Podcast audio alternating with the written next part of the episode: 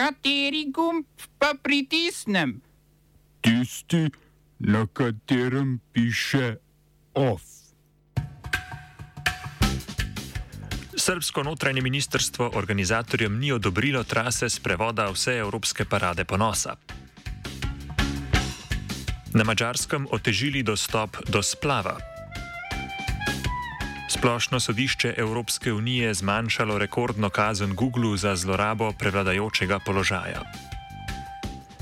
V kulturnih novicah kronika rokodelcev z visokega.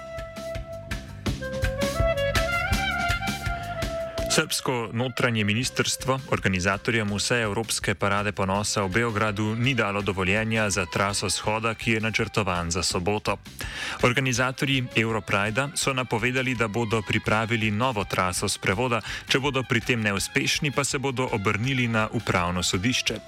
Gre za še enega v vrsti poskusov srpskih oblasti, da bi shod prepovedali, kar je večkrat sam zatrdil predsednik Aleksandar Vučić. V Beogradu se že nekaj tednov odvijajo protestni shodi, imenovani Litije, katerih udeleženci nasprotujejo organizaciji Parade ponosa. Litije divjajo ob podpori vladajoče srpske napredne stranke in nekaterih bolj obskurnih skrajno desnih strank. Njihova prizadevanja po prepovedi parade pa blagoslavlja tudi Srpska pravoslavna crkva. Dogodki v sklopu Europrida v srpski prestolnici potekajo že od ponedeljka, organizatori pa napovedujejo, da se bo sprevod zgodil v vsakem primeru.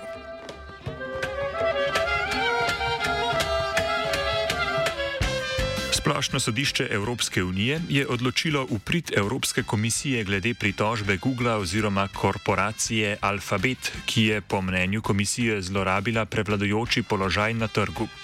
Google je namreč proizvajalcev pametnih telefonov z operacijskim sistemom Android in omrežnim operaterjem nalagal protikonkurenčne pogodbene omejitve. Od proizvajalcev telefonov je v zameno za uporabo aplikacij iz Googlove trgovine denimo zahteval predhodno namestitev Googlovega iskalnika in spletnega brskalnika Chrome. Sodišče je globo sicer nekoliko omililo. Evropska komisija je zahtevala dobre 4,3 milijarde evrov, sodišče pa je naložilo plačilo 4,1 milijarde evrov. Google se lahko na odločitev pritoži še na Evropsko sodišče za človekove pravice.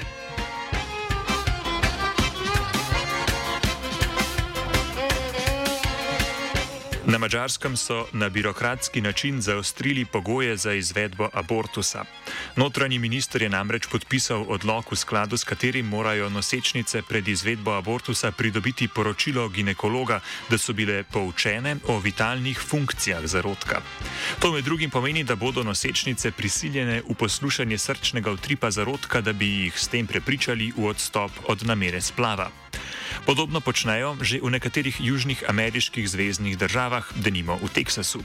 Povdariti velja, da je v zgodni nosečnosti srčni utrip zarodka nemogoče poslušati. Kot pravijo zdravniki, gre v resnici za zvoke, ki jih generira ultrazvok. Po trenutni zakonodaji je splav omogočen do 12. tedna nosečnosti. Gre za prvo spremembo zakonodaje glede abortusa na Mačarskem od leta 1992. Splav pa je v državi zakonit od leta 1953.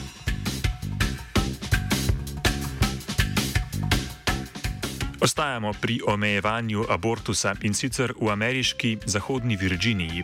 Oba domova zahodno-virginijskega zakonodajnega telesa sta namreč potrdila zakon, ki skoraj da popolnoma prepoveduje opravljanje splava v zvezdni državi.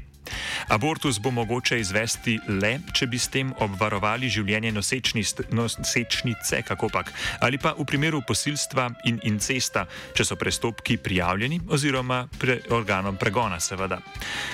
Zdravnikom, ki bi kljub temu ženskam omogočili umetno prekinitev nosečnosti, grozi izguba zdravniške licence.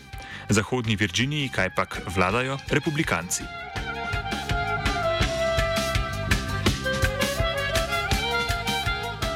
Poslanci Evropskega parlamenta so na plenarnem zasedanju sprejeli uredbo o uvozu in izvozu izdelkov, katerih proizvodnja ne povzroča uničevanja gozdov. Gre za omejevanje tako imenovane uvozne deforestacije in sicer s prepovedjo uvoza kmetijskih pridelkov in proizvodov, če so bili ti pridelani ali predelani na območju deforestacije. Prvotni predlog, ki ga je predstavila Evropska komisija že novembra lani, je omejil uvoz palmovega olja, kakava, kave, soje, govedine in lesa z območji, kjer je bil gost izkrčen po decembru 2020. Ponovem so na seznamu tudi koruza, perutnina in svinina. Poslanci so dodatno zaostrili še pogoje glede območij, saj nobeden izdelek ne sme biti uvožen z območji, kjer je bil gost izkrčen po decembru 2019. Uredbo morajo sprejeti še predstavniki držav članic v Evropskem svetu.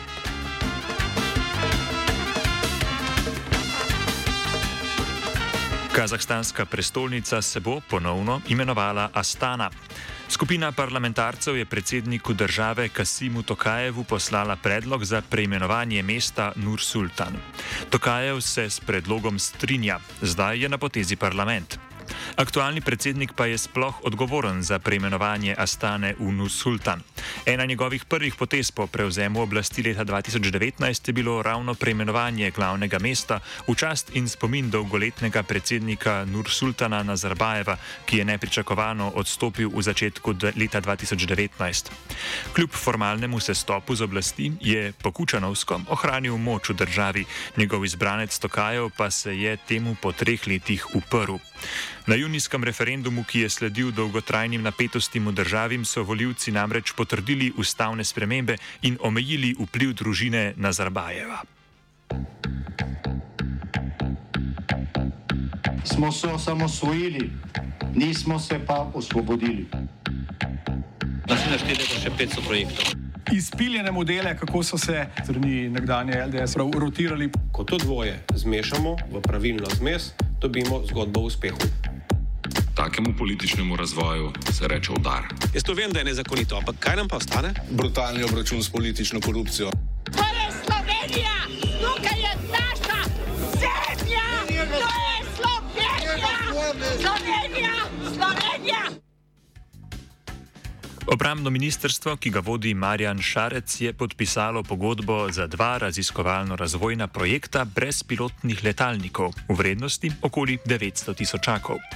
Prvi projekt, poimenovan Oborožen kombiniran brezpilotni letalni sistem, bo izvaja, bodo izvajali 15 mesecev, drugi projekt, Boj proti rojom brezpilotnih letalnih sistemov, pa bo trajal predvidoma 18 mesecev. Pogodbi so podpisali s podjetjem TeamTech Defense, katerega večinski lastnik je nihče drug kot velecenjeni podjetnik in dobrodelnež Ivo Boskarol.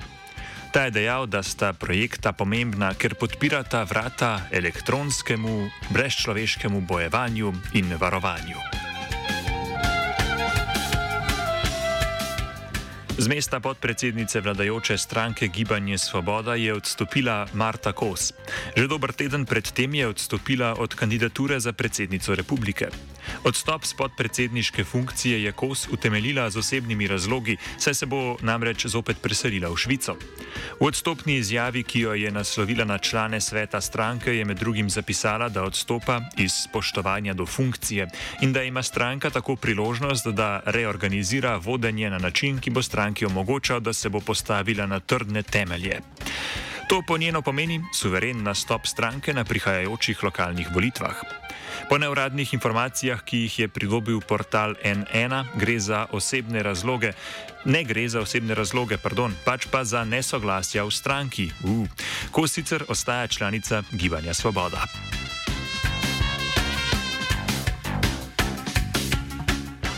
Nekdani odgovorni urednik tednika Demokracija Jože Biščak in kolumnist tednika Aleksandr Škorc sta bila obsojena na pogojno zaporno kazen zaradi spodbujanja sovraštva in širjenja rasizma.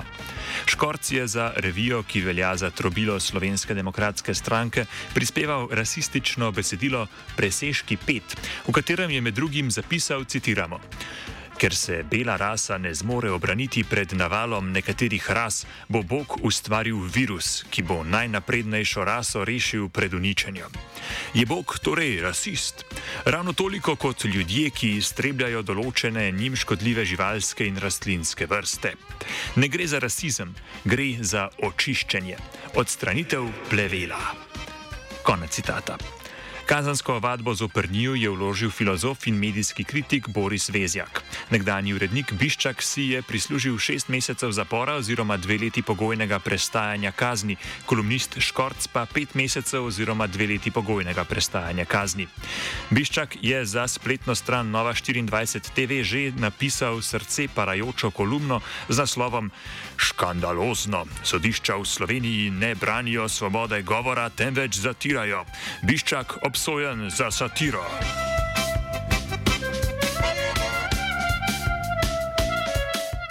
Off je pripravil Urh.